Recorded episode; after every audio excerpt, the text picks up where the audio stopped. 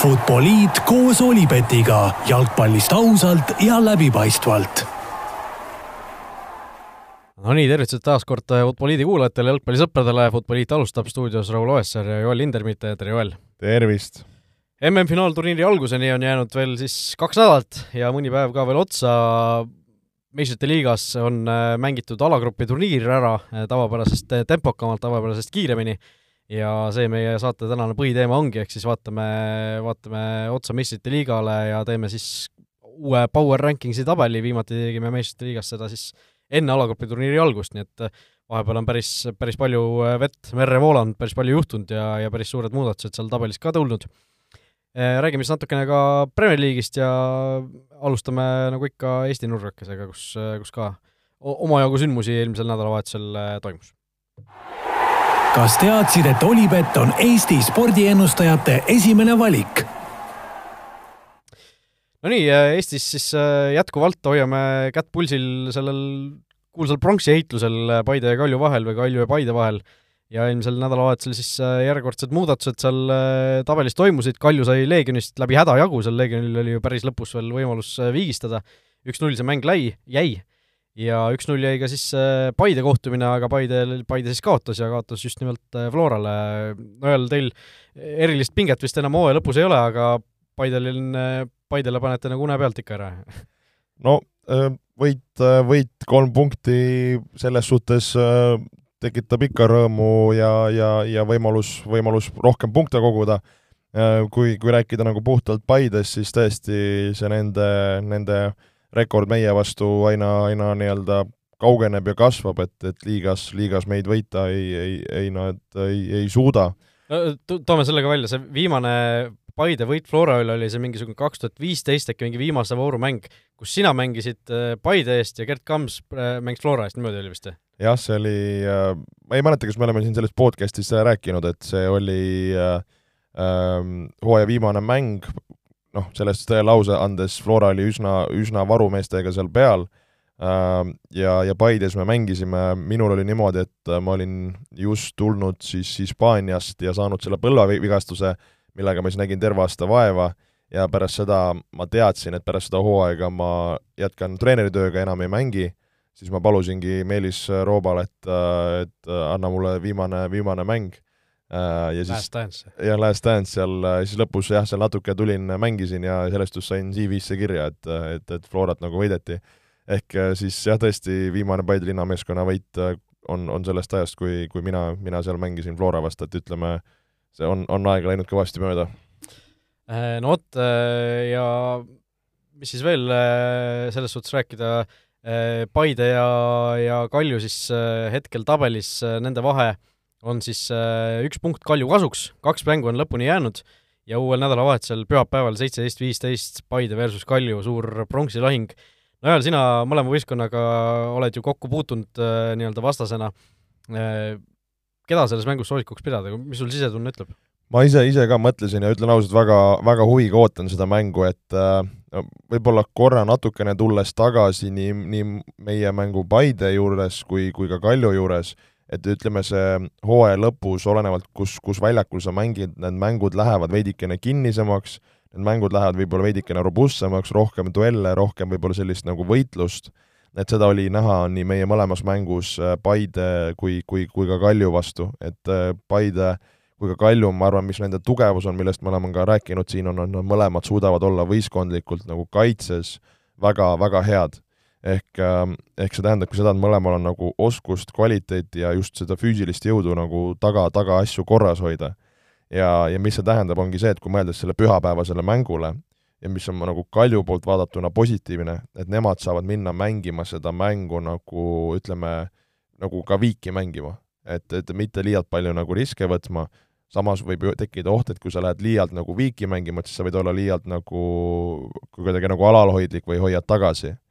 ehk äh, ma arvan isiklikult, et see mäng äh, on ülikinnine, ülivõitlusterohke, ma arvan, me näeme väga palju niisugust pikka palli, teisi palli. Ja selle pealt võib-olla mõne, mõni standard, mis on otsustav, et sellist, äh, ma arvan, ladusat mängu, kus, kus hakatakse üksteist nagu üle mängima, ei, ei ole. Ja kindlasti on nagu mentaalselt näha, et seal nagu kumbki ei taha kindlasti ka nagu eksida. Eks see, see võib-olla hakkab ka nagu niisugusest nagu, mis näeb jalgpalli mõttes välja, et kuidas sa seda mängu üles ehitad, palju sa võtad riske nii-öelda rünnakule üles viies mängijaid, milliseid otsuseid sa teed, et, äh, et see on, ma arvan, nagu päris ähm, sellise nagu nagu kõrvalt on, ma arvan, seda pinget nagu väga hästi ka silmaga näha, et see ei ole ainult nii, et sa nagu noh, oskad nagu ette kujutada või aimata, mis mängijate ja treenerite seas toimub, vaid ma arvan, et seal nagu iga see otsus, iga kehakeel, see iga emotsioon, mis seal võib olla mõne kohtuniku vile peale, et seal on nagu seda väga selgelt näha. ma, ma arvan, et see on niisugune, niisugune mäng nagu no ma olen siin saates ka varem välja öelnud, et mina hooaja eel ennustasin äh, Kaljut Paidest ettepoole ja ma kuidagi sellepärast olen nagu Kaljule äh, mingil kummalisel põhjusel, või noh, mitte kummalisel põhjusel, aga kuidagi nagu pöialt hoidnud selles duellis, aga, aga mul selle pühapäevase mängu eel on küll tunne, et Paide pigem võiks selle eelist omada just selle tõttu, et et noh, sellel hooajal, kui vaadata neid, neid mänge, kus on nagu väga palju mängus olnud neid suuri, suuri mänge, noh Paide ju siin karikasarjas äh, mitmest ringist läks väga napilt läbi, võitis finaalis äh, äh, samal ajal kui Kalju on nagu päris pahasti mõnes kohas libastunud, välja kukkunud, Paide mängis Euroopas hästi, noh, sellised üksikutest mängudest olenevad asjad Paidel on nagu suhteliselt hästi õnnestunud. et hoolimata sellest, et nad siin viimasel hetkel või viimasel ajal nüüd mõlemad Kaljuga on väga palju komistanud ja koperdanud, siis mul on nagu tunne, et Paide võiks olla eelis, no koduväljak ka veel, ma ei tea, kui palju see muidugi loeb, et no aus point, äh, samas kui sa mõtled, et milliste mängijatega tol hetkel kevadel neid tulemusi tehti ja suvel tehti ja sa mõtled nagu praeguse koosseisu peale, siis äh, tegelikult on, on ju muutunud võistkond ja nagu selgelt muutunud, et äh, ükskõik kui tugev või nõrk äh, võistkond sa oled, kui sul ikkagi nagu võtmemängijad äh, kaovad või lähevad mujale, mis iganes, et muidugi sul on mingid asendused võtta, aga need selgelt ei ole sellise klassiga nagu asendused, et, et, äh, et selles suhtes see nagu, see, see sinu point nagu mingis mõttes nagu pädeb, aga samas nagu natuke nagu võib-olla räägiks selle vastu ka. nojah no igatahes äh, see ei ole ju tegelikult viimane mäng hooajal, sest äh, kaksteist november siis äh, on viimane voor ka veel ja isegi kui see mäng siin viiki jääb, siis Kalju ei ole veel kolmandat kohta enda kätte saanud, sest tuleb ikka viimases voorus siis tulemus ära teha, Kalju viimases voorus on siis võõrsil Tallinna Kalevi vastu ja Paide on võõrsil Tartu Tammeka vastu, nii et et ega need ka pole lihtsad mängud, muideks võtsin, võtsin siin lahti Premier League'i vormitabeli viimased kümme mängu. Äh,. Oskad sa pakkuda, noh, Flora on esikohal äh, kümnest mängust kakskümmend seitse punkti, eks ju, üheksa võitu, üks kaotus aga milline see järgmine järjestus on, oskad sa, oskad sa pakkuda? viimased kümme mängu, no see on üks, peaaegu üks täisvoor. noh, see on vist septembri algust või augusti viimasest mängust umbes alates. kui sa niimoodi küsid ja sa neid vastaseid mainid, siis noh, Tartu on saanud punkte kätte, tegelikult ka Tallinna Kalev on saanud punkte kätte, Kuressaare ka mõne sai, ma arvan, et see nagu see, kes sealt pärast meid tulevad, on nagu üsna kobaras kõik koos. ma järjestikust, ma ütlen ausalt, ma ei oska pakkuda, ma arvan, paneks väga huupi. no eh, selles suhtes on õigus, et eh, järjest tulevad need koos, aga noh, kui viimase kümne mängu järel ant-, või nagu viimase mängu, viimase kümne mängu põhjal antakse eh, punkte ja tiitleid kätte, siis Flora võidab tiitli, teine koht Tallinna Kalev, üheksateist oh. punkti, kolmas koht Paide, seitseteist, neljas koht Tammeka, viisteist, viies Levadia, viisteist, Kuressaare neliteist, Kalju seitsmes koht, kaksteist punkti, äh, Trans üksteist ja noh, Leegion seitse, Vaprus kolm, et see tagumine ots on, ots on sama, aga Tallinna Kalev on teisel kohal viimase kümne mängu pealt. väga, väga kiiduväärt ja muljetavald-, avaldav, aga samas see, et nagu ma ütlesin, et nad on väga kobaras koosseis põhimõtteliselt, mis see siis teise ja selle nii-öelda viimase, kes seal punt, puntras koos oli, kolm-neli punkti on vahe või? no äh, Kalevi ja Kalju vahe, teine ja seitsmes koht on siis seitse punkti okay,. tegelikult okay, na natuke juba tuleb, aga ja. seal seal Paide, Levadia, Tammeka, Kuressaare on seal kolme-nelja punkti sees kõik näiteks. päris, päris huvitav tegelikult. et, et jah, Kalev on ikkagi, mäletan ju hooaja alguses Joel Lindpere, kuidas eh, ma nagu ise kuidagi muigasin, et et eh, ma nagu kuulsin nii mitme võistkonna käest seda juttu, et oi, et saame murumängu, murumängudele, et muru peale, et siis, siis hakkame tegema, on ju et ma nagu ise ka kuidagi noh, kuulsin seda Lindpere lauset, mõtlesin, et mis asja, mida sa ajad, on ju, et mis suurt vahet seal on aga näe, võta, võta kinni selles suhtes, et äh, nii oligi tegelikult. no seal oli pigem, äh, ma arvan, et see ei ole ainult muru, et see on, see on võistkond, kes äh, alguses oli natukene toores just nagu meistriliiga jaoks, said, said kogemust, harjusid tempoga, said oma mänguplaani nagu natukene nagu võib-olla rohkem tasakaalu, et äh, ma ütlen ausalt, nagu vaadates ka Premium-liiga tabelit ja, ja ka seda nagu tabeli lõpupoolt, et tegelikult kui sa mõtledki nagu Tallinna Kalevi peale, et mul on nagu väga hea meel nende üle et äh, nad on suutnud nii nagu väga nagu hea hooaja teha ja lihtsalt mõeldagi, et sul on nagu, et kes oleks osanud arvata, et Tallinna Kalevi ja Narva Transi vahe nagu noh, praegusel hetkel on kaks punkti, et see nagu vahe selline on. et see nagu osalt räägib seda, kuidas nagu Trans on minu jaoks nagu väga-väga üllatuslikult selgelt nagu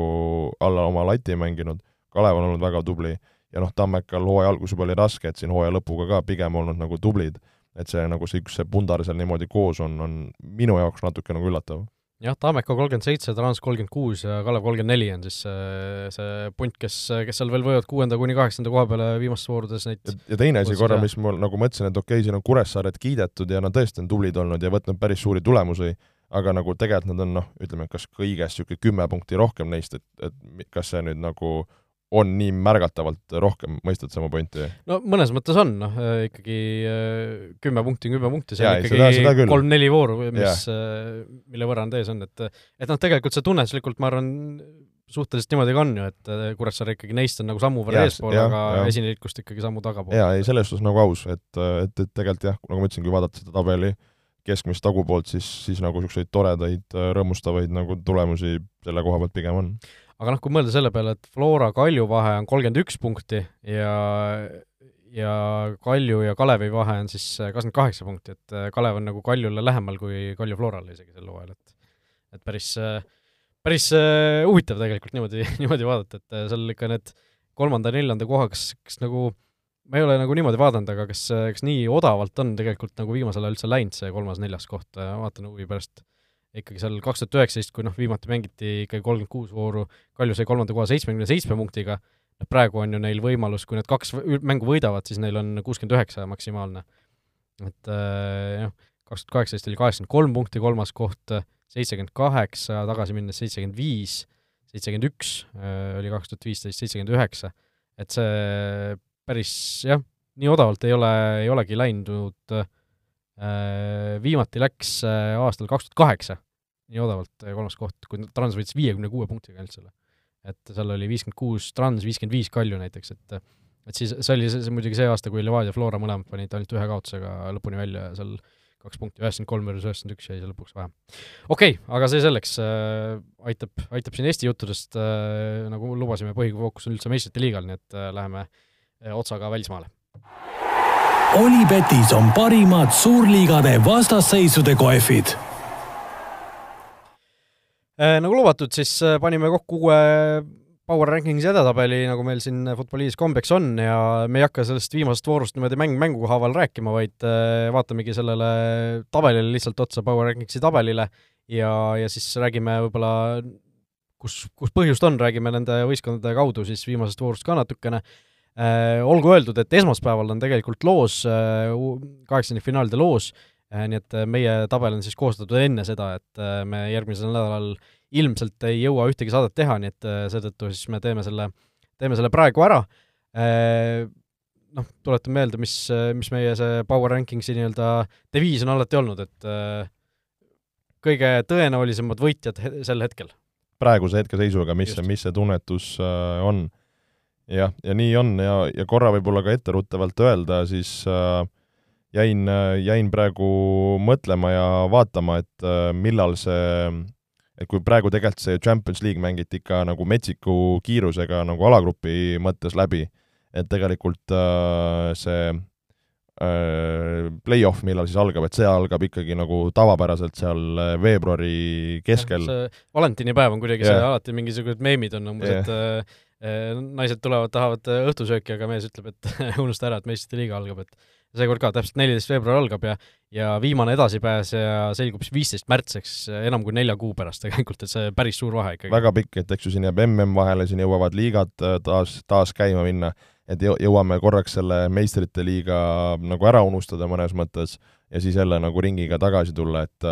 aga no korra, kui võib-olla Power Rankingi juurde läheme, siis tegelikult me siin ka podcast'is rääkisime, et see mõnes mõttes, et see mängiti ikkagi nii tihedalt ära, noh, see kuidagi oli nagu veider või, või kuidagi seda kogu seda aurat seal ümber kuidagi minu jaoks tõmbas vähemaks, ma ei tea, kuidas, kuidas no, sul nagu oli küll jah, no eriti siin nüüd sel nädalal see viimane voor, kus oli noh, ainult seal Tottenhami grupis oli nagu tõsine pinge üleval, teistes, teistes nagu mitte, et et no oli kuidagi jah, et mingis mõttes ma hakkasingi mõtlema, me vist kunagi varem ka rääkisime seda, et et huvitav, milline see noh, selline mõtted liikusid nagu sinna, et kui paari aasta pärast tuleb see suur, suure alagrupi turniiri kolmekümne kuue võistkonna ja ja nii-öelda kõik on koos seda Šveitsi süsteemi mängivad, et kas, kas see nagu muudaks seda asja siis nagu põnevamaks, aga no ilmselt, ilmselt ikkagi mingis mõttes muudaks, aga aga ma ütlen, ma endiselt absoluutselt ei hooma seda, milline see võistlus nagu olema jaa, seda küll, aga lihtsalt mõtlengi, et nagu minule isiklikult võib-olla see on minu praegune elu ja kõik see, aga kuidagi nagu mul, mul, ma muidugi, ma olen nagu jälginud ju, mis toimub, ma olen mänge vaadanud, aga ma arvan, see on nagu üks viimaste aegade nagu, kus ma olen kõige nagu võib-olla nagu ka noh, ma, ma kõige vähem nagu võib-olla nagu huvitatud sellest mõnes mõttes. ma ei tea, ma ei tea, võib-olla see on mingi minu enda kiiks, võib-olla mõni, mõni sama, kuulaja, kuulaja lisaks nagu. jah, et eks ta, eks ta nii ole, eks ta nii kipub olema. aga noh, pikema sissejuhatuseta lähme siis meie, või noh, sissejuhatuse juba tegime pikema, aga lähme siis selle top kümne juurde panime mõlemad oma esitosina kokku ja siis äh, nagu ikka liitsime need kokku ja vaatasime, kes siis äh,, kes siis sinna jäid. kümnenda koha võistkond äh, tõusnud äh, võrreldes meie esialgse tabeliga seitse kohta. Äh,, see on Lissaboni Benfica, kes siis äh, on üks kahest Portugali võistkonnast, kes oma grupi võitis. Ja Benfica võit siis äh, tuli selles äh, äh päris keerulises alagrupis BSG Juventuse ja Maccabi Haifa ees ja see, kuidas see Benfica eile selle võidu kätte sai, oli, oli ikka päris äh,, päris omapärane või päris fenomenaalne, et et äh, oli neil ju noh, teades, et BSG võidab samal ajal, neil oli vaja siis äh, viie väravalist võitu Haifa vastu, seal jäädi ju, esimene poolaeg ju lõppes viigiga, viiekümne üheksandal minutil äh, läks siis Benfica kaks-üks ette ja kõmm-kõmm-kõmm-kõmm-kõmm tuligi, kaheksakümmend kaheksa löödi viis-üks, üheksakümmend pluss kaks löödi kuus-üks ja, ja saadigi see esikoht endale, kusjuures äh, järjekorras siis kuuenda viigi lahutajaga, ehk siis Benfica BSG niimoodi viiki, et neil mõlemal neli võitu, kaks viiki, neliteist punkti, väravate vahe kuusteist-seitse mõlemal. Ja seal äh, omavahelised mängud ka täpselt viigis, kaks viiki tulid sealt. Ja siis äh, Benfica sai siis äh, nii-öelda paremuse või edu omavahelises võrdluses tänu sellele, et nad olid selles alagrupis kokku löönud rohkem võõrsil väravaid, ehk siis mitte omavahelistes mängudes, vaid alagrupis kokku ehk siis eh, noh, sellist asja ka väga tihti ei näe, et see, sellise asja pealt nagu otsustatakse ära, kumb on, kumb on esimene, kumb on teine, aga Benfica saab siis esimese asetuse loosiks. jah, mis on tegelikult äh, päris, äh, päris aus argument nagu äh, Benfica poolt vaadatuna ja ja ma nagu, isegi kui me seda tabelit tegime, mul nagu niisugune väikene tunnetus äh, oli, et see nagu mõnes mõttes see on nagu veidi tormihoiatuse moodi ja nad mängisid nagu head jalkat, et äh, et ma nägin minu arust mõlemad mängu, kui nad mängisid äh,, mängisid äh,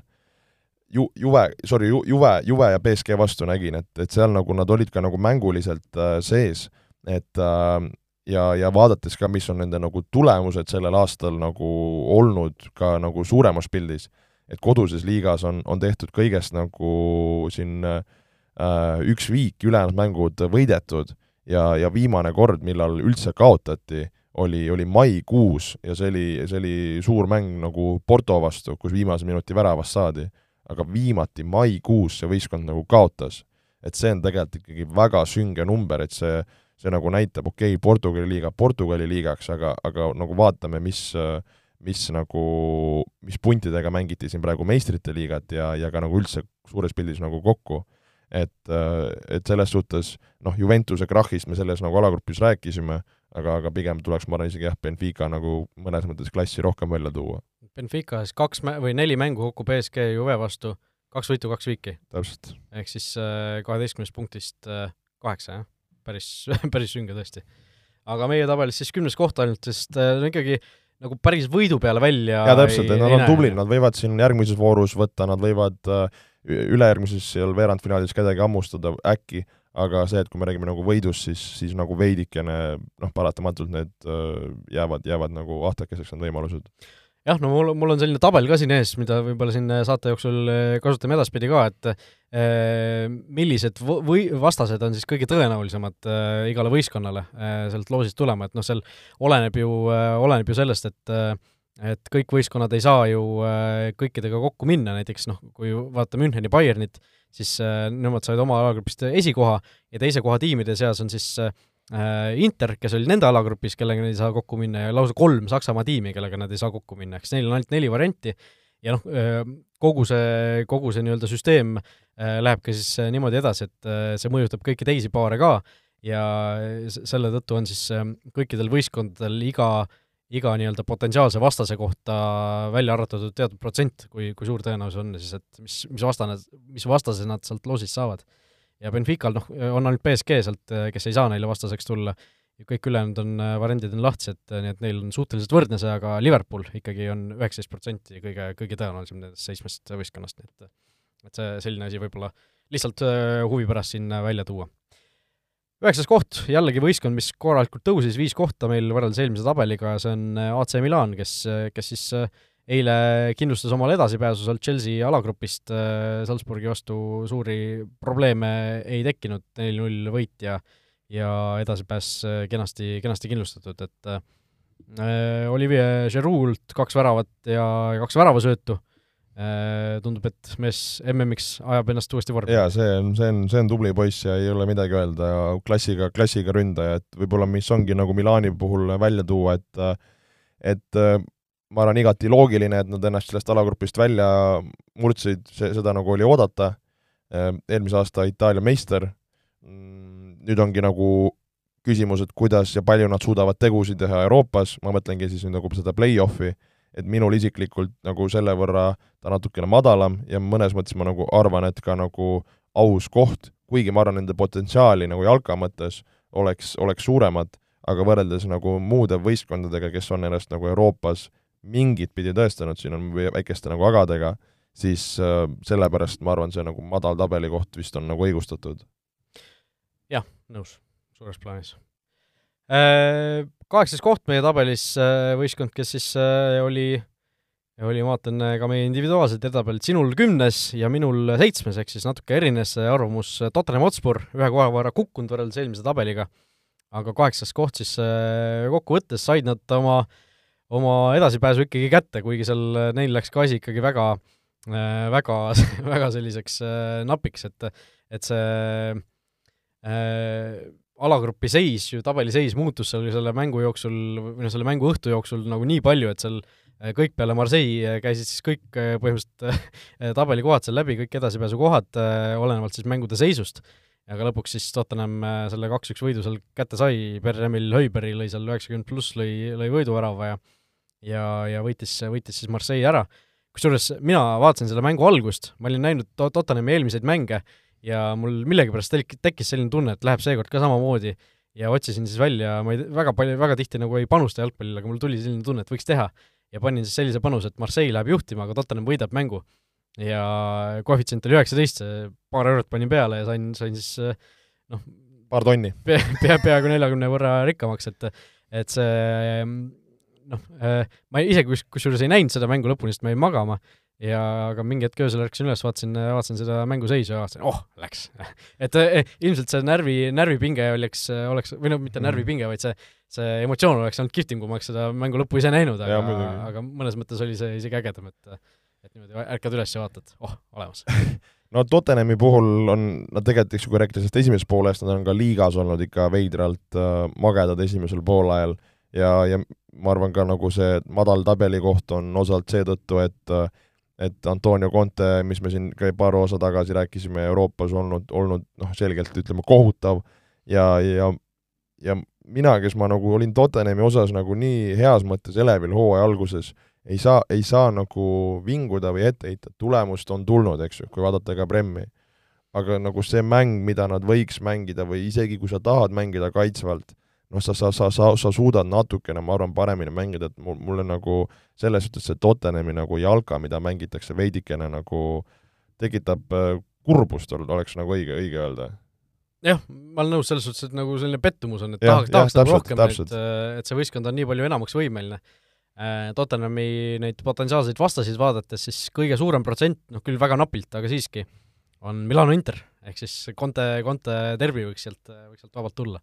mis, mida oleks kindlasti äge, äge näha. Äh,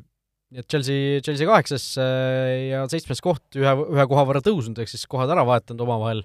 Äh, Londoni Chelsea. enne mul läks sul lause sassi, igaks juhuks parandan kuulajaid, et Tottenham oli siis eelnev koht ja nüüd siis uus, uus koht on, on meil Chelsea. jah, kaheksas Tottenham ja seitsmes, seitsmes siis Chelsea. Chelsea siis ka eile korra jäi kaotusseisu äh, Dinamo vastu, aga lõpuks ikkagi kaks-üks võidu äh, võttis ära, seal Deniss Sakari esimest korda sai Chelsea'st peale, kes on siin, kes toodi Juventusest laenule siin juba augusti lõpus või noh, üleminekuakna lõpus. Ja kohe lõi ka värava ja Chelsea siis kindlustas sellega ka alagrupi võidu endale kenasti ära ja noh, mis seal ikka öelda, kuidagi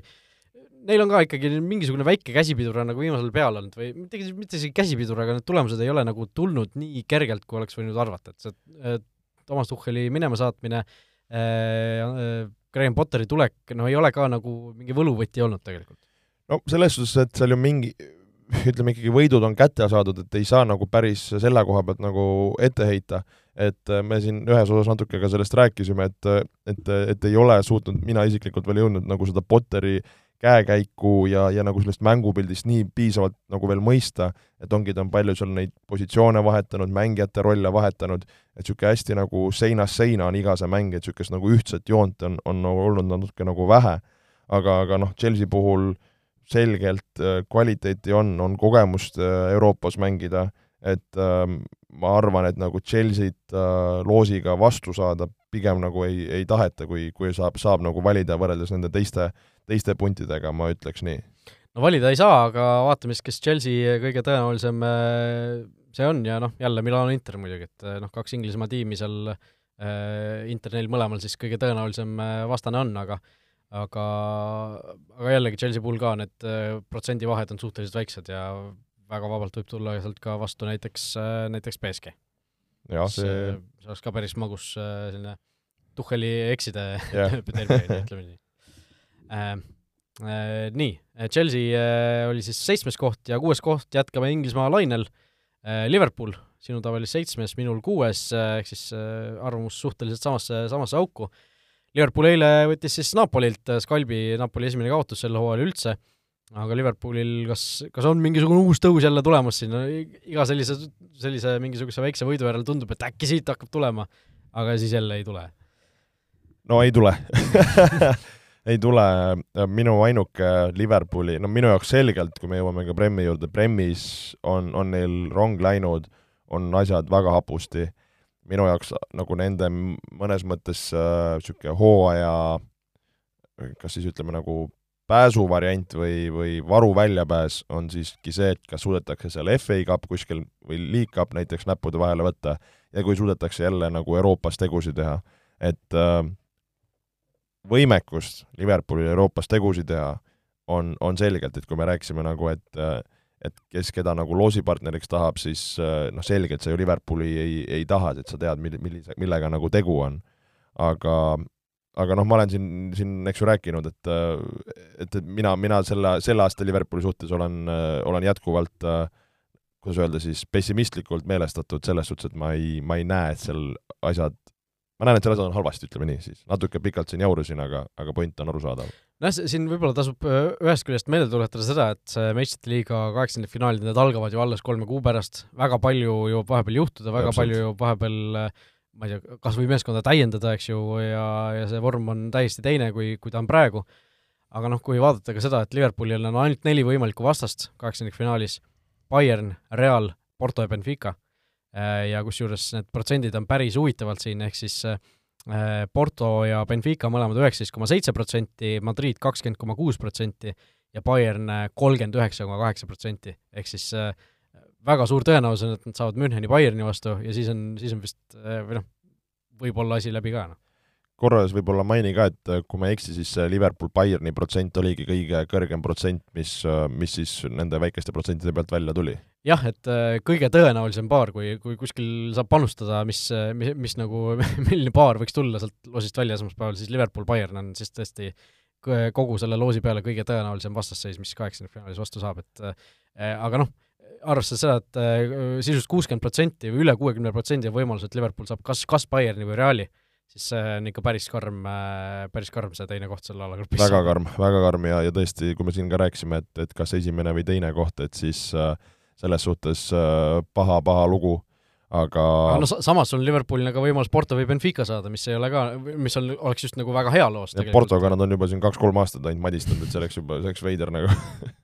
no vot, et Liverpool ühesõnaga meie tabelis siis äh, kuuendal kohal, hoolimata, hoolimata kõigest, äh, mõnes mõttes isegi tundub jube, jube kõrgel, hoolimata sellest, et nad nagu väga kehvasti on mänginud, või arvestades seda, et nad väga kehvasti mänginud, aga samas tuletan meelde,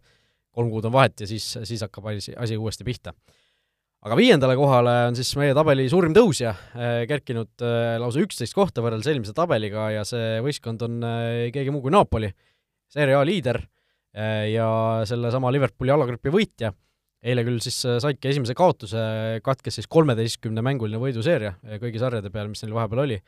Aga noh, see, see oli ka selline mäng, kus Napoli tegelikult enam mingisugust erilist pinget ju tegelikult ei olnud ja liiga palju vist ei maksa sellest midagi välja lugeda, aga, aga see Napoli, mida me oleme sel hooajal näinud, see on, no me oleme paar korda rääkinud ka siin, see on, see on olnud noh, fantastiline vaatamine tegelikult. just, et ähm, et see, see fantastiline vaatamine või see jalka, mida mängitakse, on, on voolav, on, on lõbus, on, on ilus silmale vaadata, on resultatiivne ja on tulemuslik. et, et see, ma arvan, muudabki selle Napoli nagu fenomenaalsemaks, et äh, mitte lihtsalt, et nad võtavad nagu tulemusi ja kuidagi kangutavad a la nagu Tottenham, aga, aga tõesti nagu mängitakse väga head jalkad ja, ja see on see, mis ma arvan, nagu äh, tekitab seda elevust ja mis, mis selles suhtes nagu tõstab nende, nende aktsiaid, et äh, kui sa mõtled ka näiteks Ajaxi peale üks aasta, kui nad ju kaugele jõudsid, nad mängisid ka väga head jalkat. Ja, ja, ja seal olid, eks ju, head võtmemängijad, et, et noh, nagu tihti ma ka siin räägin nii nagu Premi puhul kui üldse, et see minu jaoks see nagu see mänguline pool on nii oluline, nagu millist jalkat mängitakse ja, ja kuidas see nagu õnnestub. et selles suhtes Napoli on, on tõesti väga, väga noh, hea üllatus või, või vär-, nagu sõõm värsket õhku mõnes mõttes jah, ma ise kuidagi tunnen, et ma hoian neile kõige rohkem sel hooajal üldse pöialt, et, et noh, see just see positiivne mängustiil, see Hütša, Kvaratselia, see selline noh, täiesti nagu midagi, midagi nagu teistsugust on see mees, noh. et, et see selline toores dribling, selline mõnus nagu noh, kuidagi kuidagi nagu selline mingisugune ta ei ole nagu selline moodne mängija, kes on kuskil mingisuguste kindlate ülesannetega, vaid ta on nagu selline kunstnik seal väljaku peal ikkagi, et et, et see on, see on tõesti, minu, minu selle hooaja absoluutne lemmikmängija kindlasti, keda, keda vaadata. nii et Napoli viies koht ja suurim tõusja meie tabelis. neljandale kohale jõuame nüüd, liigume ikkagi täielike, täielike võidusoosikute juurde.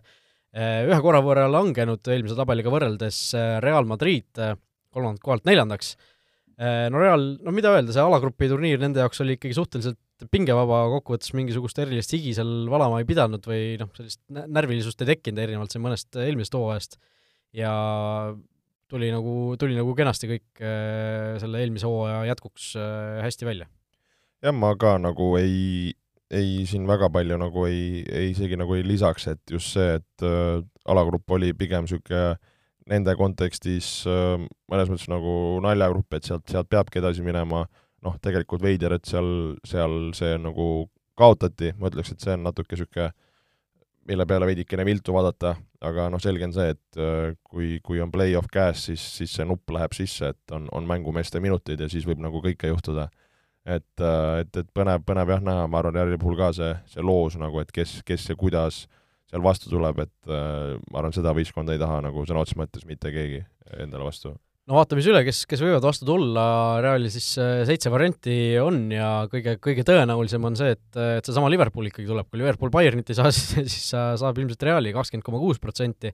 ja kõige väiksem tõenäosus on siis äh, Brugge ja BSG, mõlemad siis üksteist koma kolm protsenti, ehk siis äh, see, et Real saab Liverpooli vastu, on umbes kaks korda tõenäolisem kui, kui see, et saab BSG näiteks. ja seal noh, vahepeal jäävad sinna neljateist protsendi juurde, jäävad veel need Saksa võistkonnad, Dortmund, Eintracht, ja samuti Itaalia võistkonna Inter ja Milan, et et sellised variandid siis äh, Realile esmaspäeval endale vastu saada, aga noh, kõikide nende vastu julgeks küll praegu öelda, võib-olla BSG välja arvata, on, oleks Real ikkagi selge soosik. jaa, olen nõus. aga noh, see on jällegi praegu kolm kuud jah, äh, täpselt öeldud. Äh, kolmas koht, see võistkond, kelle vastu Real siis võib-olla soosikuks ei ole, on, on BSG, kes on ka siis ühe koha võrra langenud võrreldes eelmise tabeliga. ja noh, BSG võib-olla ma ei tea, ma seda isegi veel sisse ei arvestanud, et äh, ei tea, mis nagu Messist saab näiteks pärast MM-i, kas ta ikkagi mängib selle hooaja ilmselt lõpuni BSG-s, sama noh, räägitakse ju mingisugust äh, Inter Miami't ja, ja MLS-i, äh, USA-s ju hooaeg algab, algab aasta alguses näiteks, nii et et ei saa seal välistada, no tundub kusjuures, et kuskilt lugesin, et Messi aktiveerib mingi klausli endal BSG lepingus, et ta prioritiseerib Argentiinat ja hakkab seal üldse umbes järgmisest nädalast mingisugust koondise laagrit pidama, selle asemel, et äh, Prantsusmaa liigat mängida, et et äh, noh, seal selles suhtes asju, mida jälgida BSG puhul on, aga aga noh, BSG noh no,, see, see, kuidas nad on mänginud, see kvaliteet on ikkagi olnud võimas. Jah, ma arvan, sa tõid nagu hea pointi välja, no kõigepealt selle nagu Messi koha pealt, et kui Messi peaks siin äh, MM-karika peakoole tõstma, siis võtab rahulikult endale pool aastat vabaks ja on, on karika ringtuur ja, ja sigar ees kuskil. aga, aga selles suhtes nagu see point on õige, tegelikult sul on, Pape on siin igasuguseid väljaütlemisi, asju olnud, noh, Neimari puhul sa ei tea, Messi puhul sa ei tea, et kui küs... Neimari puhul võib ka see olla, et kui tiitli võidab, siis tõmbab juhtimisest välja umbes või saab, saab mingi tüübivastuse ühe sünnipäev on kuu aega järjest nagu et need, need variandid on olemas, aga kui nali kõrvale jätta, noh, ütleme selles suhtes sa ei, sa ei tea, mis nende staaridega siin just kolme kuu pärast juhtuda võib, et on nad omavahel tülli läinud, on mingi vend talvel ära müüdud, on mis iganes nagu, et see on see nagu argument, aga aga kui me siin ka varem oleme Champast rääkinud, siis kui, kui see võistkond nagu Champat ei võida, siis, siis, siis see on nagu nali, et et selle koha pealt on minu jaoks nad nagu noh, peavad, peavad võitma nagu, neil ei jää, neil ei jää muud üle, ütleme nii jah, no tuletan meelde, BSG jäi alagrupis teiseks tegelikult ju Benfica järel, noh, variandid, kes neil vastu võivad tulla, kõige tõenäolisemad noh, suhteliselt napilt, aga on Bayern ja Napoli. noh, BSG Bayern ja BSG Real, need, need paarid oleks ikka kaheksandikfinaali kohta karm. ikka väga, väga, väga, väga, väga mürgised. Äh, et jah, BSG siis meie tabelis kolmas, kolmas koht, teisele kohale tõusnud kaks kohta, Müncheni Bayern meeskond, kes siis selle surmagrupi võitis ikkagi väga, väga sellise lõdva randmega tundus, vähemalt väljastpoolt. jaa, väga-väga veenvad, et äh, just, et sõideti, sõideti kaheksateist kaks väravate vahega see, see alagrupp äh, ribadeks, et et tõesti Interi Barca vastu just nagu need võidud kätte saadi, et ei, ei, ei, ei võetud mingit viiki või asja, et no selles suhtes selge, selge powerhouse, ei ole, ei ole siin midagi öelda isegi võib-olla nagu üllatuslikult, et äh, noh, okei okay,, meil oli väga tihe see tabeli esiots, et, et äh, et kas see BSG, Bayern, City, kuidas nad kolmekesti nagu sättida, et see, see on niisugune veits nagu maitse asi, et võib-olla sellest isegi nii kinni, kinni ei jääks jah, kindlasti Bayern on, või noh, nagu ma ütlesin ka, et äh, tuleb see suurte soosikute nii-öelda sahtel, kus on, kus on kõik, kõik nagu suhteliselt tihedalt koos ja kõigil on väga hea võimalus see tegelikult ära võita. aga kas, kas okei okay,, City, City, Bayern äh, ja, ja, ja ütleme siis ära ka, et äh, City on meil esimene. jah, aga mõtlengi, et kas, äh, kas sa Reali paned ka siis suurte soosikute patta või jätad nad täpselt ukse taha? ei, mina, mina panen sisse. okei okay,, et siis meil on nagu nelik, nelik, ütleme nii või? ütleme jah, pärast siis Napolit, kes oli viies, ütlesin, et järgmised neli on need suured. okei okay,, okei okay.. sa oled nõus sellega? jaa, olen nõus, ma just mõtlesingi, et kas sa Reali puksid välja või jätad sisse. jah, et äh, kõik neli võistkonda erinevatest riikidest muideks, äh, kusjuures esimesed viis võistkonda on isegi meil erinevatest riikidest siin, kui ma vaatan, aga, aga jah, tõesti need kõige suuremad soosikud neljast eri riigist, äh, City siis esikohal jätkuvalt ja noh, kuidagi nagu ei saa nende vastu panustada, noh jätkuvalt kolm kuud on aega, Haaland jõuab vigastada saada, De Bruyne'd jõuavad vigastada saada, kõik võib juhtuda vahepeal, aga noh, me ei saa praegu arvestada nagu sellega, et keegi on vigastatud, vaid äh, hetkeseisuga tundub, et City on, on ikkagi number üks endiselt Haalandiga kindlasti, ilma Haalandita võib olla murekohti, ütlen nii. võib, võib. Äh, eile seal üks noor poiss, mingi seitsmeteistaastane inglane, sai debüüdi, lõi kohe värava, eks ju, noh, seal suhteliselt äh, tubliga läks Peep peale, vaata, et on ju.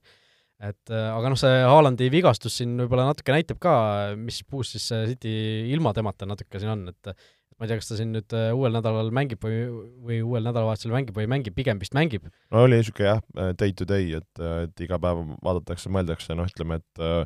et ega siin ka City ju ei saa lubada omale, omale punktikaotusi ja, ja, ja mõeldes, et ka on, on päris nagu pähklid, pähklid mängud tulemas, on vaja mees, mees välja putitada. ja seda enam, et MM-i pausil see mees saab puhata erinevalt, erinevalt paljudest teistest tippmängijatest nii et äh, jah, City meil äh, number üks äh, ja loeme siis selle tabeli õiges järjekorras ka uuesti igaks juhuks ette, Manchester City jätkuvalt esikohal, teine koht Müncheni Bayern, kolmas BSG, neljas Real Madrid, see on siis suur nelik, siis järgmised viies Napoli, kuues Liverpool, seitsmes Chelsea, kaheksas Tottenham, üheksas AC Milan ja kümnes Benfica, nii et sellised on meie kümme peamist soosikut siis meistrite liiga tiitlile kolmandal novembril kaks tuhat kakskümmend kaks nii et läheme siit edasi Inglismaa juttude juurde.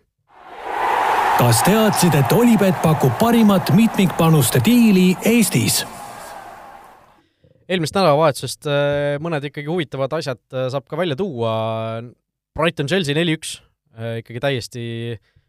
fenomenaalne tulemus Brightoni poolt, Graham Potter ütles ise ka, noh, välja sisuliselt selle, mida kõik, kõik mõtlesid, et ta näeb ikka päris totter praegu välja et, et sellise vahetuse tegi, aga De Serbi esimene võit alles tegelikult Brightoni eest ja Chelsea'le siis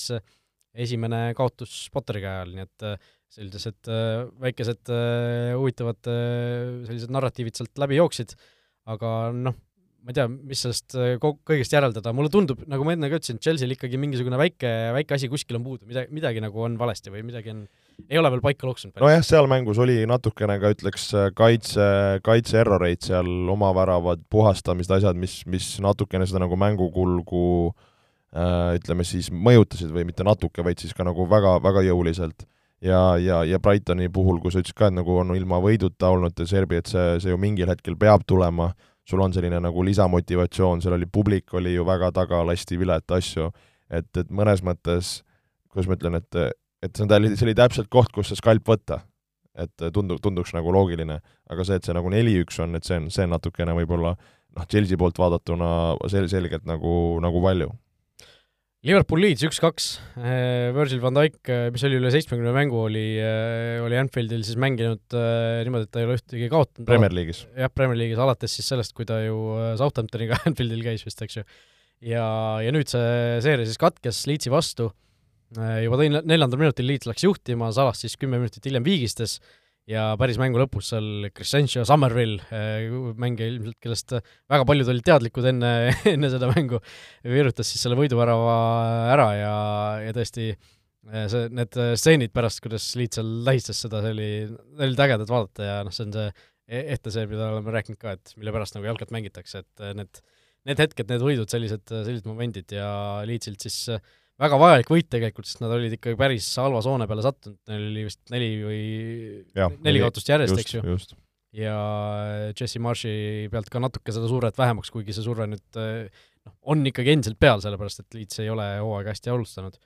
aga, aga noh, see võit oli äge, see võit oli, see mäng oli äge, see võit oli äge. jaa, tõesti, et äh, päris äh,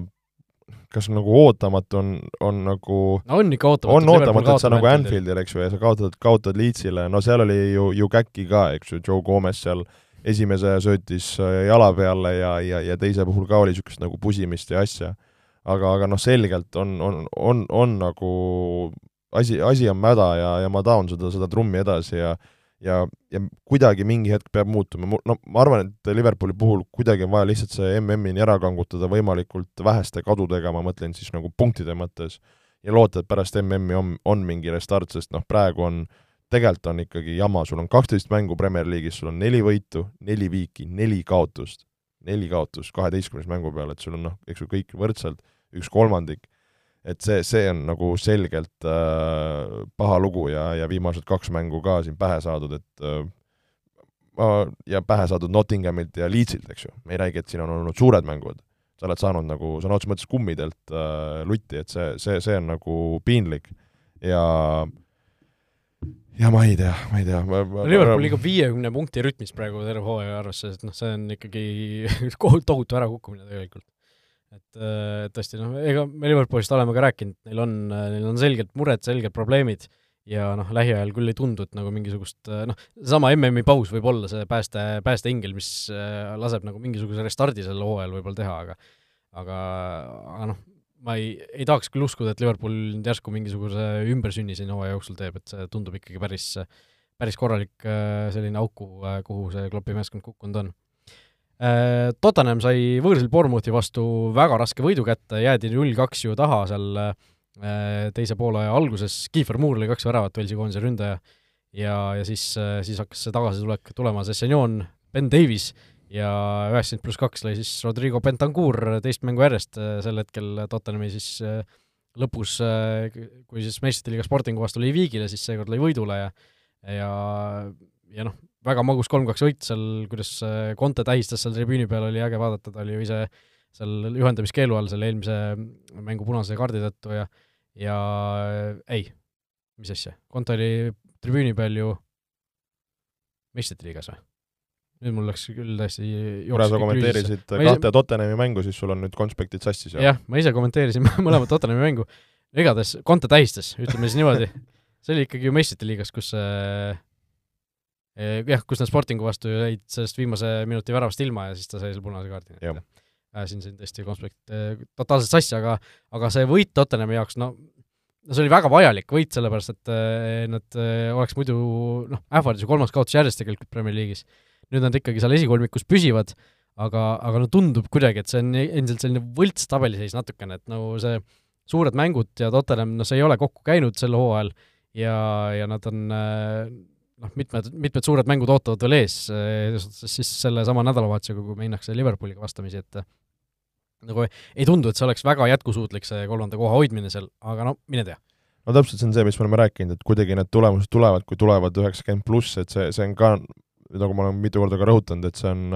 see on tugeva võistkonna tunnus, see on, see on omaette klass, et selles suhtes ei, ei saa nagu neile ette heita aga, aga tõesti kuidagi nad natukene liiga raskelt tulevad äh, nad äh, ütleme, niisuguste ka väiksemate puntide vastu, et see on veidikene nagu paha lugu. aga Bournemouthi muidu väravalööjatest äh,, Muurist rääkides ma ei tea, kas me oleme siin rääkinud või oled sa kursis, Kiefer Moore on mänginud ühe eestlasega koos. kas see on Henri Anier kunagi Norras või? ei, see on või Karol Mets, aga Mets Norras jah, Viikingus, kus ta mängis üheksa mängu ja lõi null väravat, et minu arust Karol on rääkinud, et ta tuli, tuli sealt Inglismaa, või vabandust, kuskil madalamatest liigadest äh, ja, ja, ja noh, ei olnud üldse mingi, mingi, mingi mängumees nagu, et, äh, et selles suhtes äh, nagu veidra, veidra nagu karjäärimees, mees nagu mängis seal Norras isegi mingites madalamates liigades minu arust vahepeal, ma ei tea, võib-olla lihtsalt mängis duubli eest kuskil. või ma arvan küll jah, et seal ei ole, ei ole läinud ja on tõesti käinud erinevates kohtades nagu laenul, aga aga nüüd on ennast nagu pilti mänginud ja, ja on ka väravaid löönud ja koondises kasulik mees olnud, et et selles suhtes pole, pole paha nagu. jah, väga, väga hoolitsetud soenguga alati, väga niisuguse korraliku soenguga, see, see on hea näha. Äh, pühapäeval siis Arsenal Nottingham viis-null lausa, tabeliliider Arsenal siis võidu ära võttis ja õhtune mäng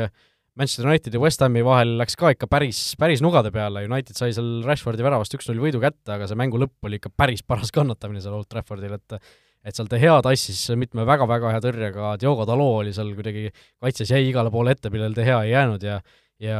noh, see üks-null võit oli ikka päris, päris mahus üks-null võit, et kolm punkti ikkagi korraliku higi, higivalamisega seal kätte saadi ja ja ma ei tea, Unitedi toetajana mul oli äh, nagu kuidagi väga hea meel seda, seda mängu näha, ma ise kommenteerisin ka seda ja kuidagi niisugune mõnus tunne oli lõpus sees, et et ah, see oli nagu hea võit või niisugune ongi täpselt välja teenitud, välja teenitud ja, ja tõesti seal, kui sul kiiper tassib, kaitsjad tassivad, et see ongi tõesti see see võidu maitse nii mängijana kui, kui treenerina, ma ka fännina, ma arvan, ongi, ongi niisugune veidikene, veidikene magusam. aga, aga, aga noh, kas sina kui Unitedi mees, sa nagu hakkad juba siin, kuidas ma ütlen, hakkab nagu kõditama ka, et, et nagu asjad küll, liiguvad jah. nagu väga toredalt ja, ja mäng on veenev, on mingid punktid siin kätte saadud, et et kas sa oled juba nagu seitsmendas taevas või, või võtad nagu rahulikult? pigem isegi esimene variant et, et äh, ei, praegu ma nagu naudin seda, et ma nagu saan aru, mida võistkond tahab väljakul teha, kuidagi nagu selline mingisugune mänguplaan, mingisugune mõte, idee on seal olemas ja noh, selline tunne, et nagu see võistkond liigub kuhugi, et noh, vahepeal oli ju seal Solskjaeri käe all, vahepeal Rangnike käe all oli nagu selline, et seal ei ole nagu mis me nagu teeme või? noh, noh, seal see nagu ollakse nagu nii hetkes, et sa ei noh, mitte et eh, hetkes elamine oleks halb, aga, aga kuidagi nagu mingis jät-, jätkuplaani nagu ei olnud, et noh, mängime praegu need asjad ära ja siis eh, ükskõik, mis edasi saab, aga praegu kuidagi on nagu selline kindel struktuur ja ikkagi mingisugune plaan on seal olemas ja noh, kui Rashford mängib hästi, selle üle on nagu ainult hea meel, et et see noh, see, et ta on nüüd sel hooajal hakanud väravaid lööma lõpuks pärast seda eelmist väga rasket hooaega, on, on nagu ainult positiivne ja, ja noh, tema väravate üle on kuidagi nagu eriti hea meel, on ju, et vahepeal tundus, et ta vajub ära ja noh, Erik ten Haagi vastu ka noh, täielik usaldus hetkel ikkagi, et see, kuidas ta Ronaldoga on nagu suutnud ümber käia, noh, see on väga delikaatne teema, aga tundub, et ta nagu hakkama saanud, kõik need karistused on nagu noh, see, et ta lubati tagasi nüüd on ka ikkagi ju väga, see on nagu tugeva treeneri tunnus mingis mõttes vist. jaa, ma arvan küll, et lihtne oleks ju minema lüüa öelda, et kõik on läbi, et seal noh, mingid asjad tuli läbi rääkida ja, ja tundub, et tehti seda jah, et, et see, et see asi on nüüd nagu lahenduse saanud ja loodetavasti see enam ei kordu, kuigi see nüüd kaks korda juhtunud tegelikult, aga aga Ronaldo kindlasti vähemalt selle MM-ini ise, ise peaks olema Kas, ikkagi väga äh, motiveeritud. Ronaldo ne-, Neville'i show'd nägid, jah? Äh, nägin, kusjuures ma nägin seda äh, täiesti otsepildis äh,, seal äh, kommentaar, kommentaatoritel ju enne lastakse seda pilti, eks ju, jumala juhuslikult vaatasin, et Ronaldo tuleb ja kusjuures ma ei näinud seda, et äh, see Neville seal ka seal taga oli peidus, et ta andis seal Louis Ahale, pani kätte, on ju, ja siis äh, pärast olles vaatasin, et aa, et Neville oli ka seal umbes, et äh, lugesin, et oi, et suur skandaal, et ei, ei visanud käppa, aga noh, no Ronaldo on siuke õrna hingega mees ikka mingis mõttes. jaa, aga seal ju, ma ei tea, kas seda nägid, kuidas, kus kuskil sotsiaalmeedias, kuidas Michael Richards äh, tegi mingi siukse nagu, kas oli tema Neville ja ja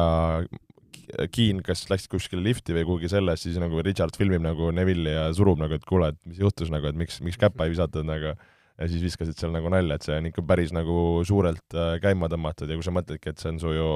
endine meeskonnakaaslane, kellega sa oled siin kulda ja karda võitnud. siin jagati ja... ju ka seda Ronaldo esimest int-, ingliskeelset intervjuud, mille ta kunagi Unitedis andis, kus ta oli mingi Ultimate mängu parimaks, siis Gary Neville aitas tal tõl-, tõlkida seal umbes, aitas inglisekeelseid lauseid moodustada ja ikka seal noh, need said nagu väga hästi läbi ka tegelikult ja aga no Neville on, eks ju, ta paneb ausalt ja toorelt no, Neville ja..., no sellepärast ta ei an-, annanud kätt, et yeah. Neville on teda kritiseerinud yeah, ikkagi. yeah,, et, et see, see põhjus, kes, kes ei ole võib-olla seda Inglismaa meediat nii palju jälginud. Äh,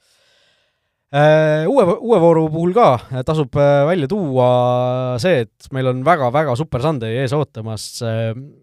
mitu väga-väga kihvti mängu, alustuseks kohe kell kaks Chelsea Arsenal, Londoni derbi, ja noh, sa vaatasid siin enne, enne saadet natuke üle, Arsenal on viimasel ajal tegelikult Chelsea vastu päris hästi mänginud. jaa, üllatavalt hästi, et äh, oleks arvanud, et, et see, mõeldes, et kui Arsenal ei ole kõige tugevam olnud viimasel ajal ja, ja Chelsea tegelikult nagu äh, liigas pigem, pigem nagu teinud mängu, siis ütleme, kaks tuhat kakskümmend aasta seisuga, et kui, kui on selliseid numbreid ees, ees seisnud, siis on Arsenal võitnud FA Cupis äh, Chelsea't kaks-üks ja siis on viimasest neljast liigamängust on kolm tükki Arsenal võitnud. et Chelsea on kõigest siis ühe, ühe võidu saanud viimase, viimase viie mängu peale. et see oli minu jaoks küll väga üllatuslik ja, ja oleks arvanud, et see, kui on kellegi poole kaldu, on, on Chelsea või siis on nagu üsna võrdne et, et see nii, nii ühe, ühele poole oli, oli, oli minu jaoks küll väga, väga üllatuslik. ja no kui mõelda nagu Arsenali peale, kes siin Nottinghami rappis viiekaga, et äh, kui, kui me oleme öelnud, et noh, et need Arsenali need suured testid on, on vaja läbida, need on enam-vähem läbitud, siis, siis see on juba, juba päris, päris korralik test ja, ja ka võõrsil mäng, mis, mis ei ole nagu mis ei ole nagu noh, derbi mõttes ikka, noh, ütle derbi, no ikkagi Londoni derbi, et see, see, see, see on nagu tuline mäng. et äh, väga kõva proovikivi. tõsi, tõsi äh,, nõus ja ma arvan, et Arsenali võimalused selles mängus on päris head. Chelsea on praegu nagu teatud mõttes haavatav, Premier League'is kolm mängu järjest võiduta,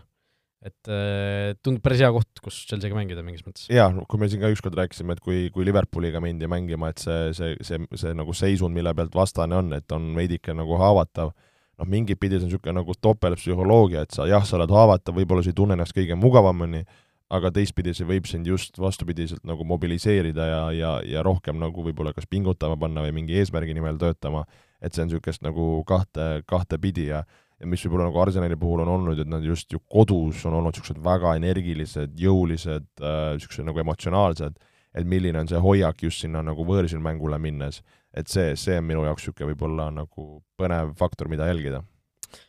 jah, kui see mäng lõpeb, siis äh, läheb, lähevad loetud minutid mööda ja kell neli pannakse avavile siis äh, Birminghamis Aston Villa ja Manchester Unitedi vahel.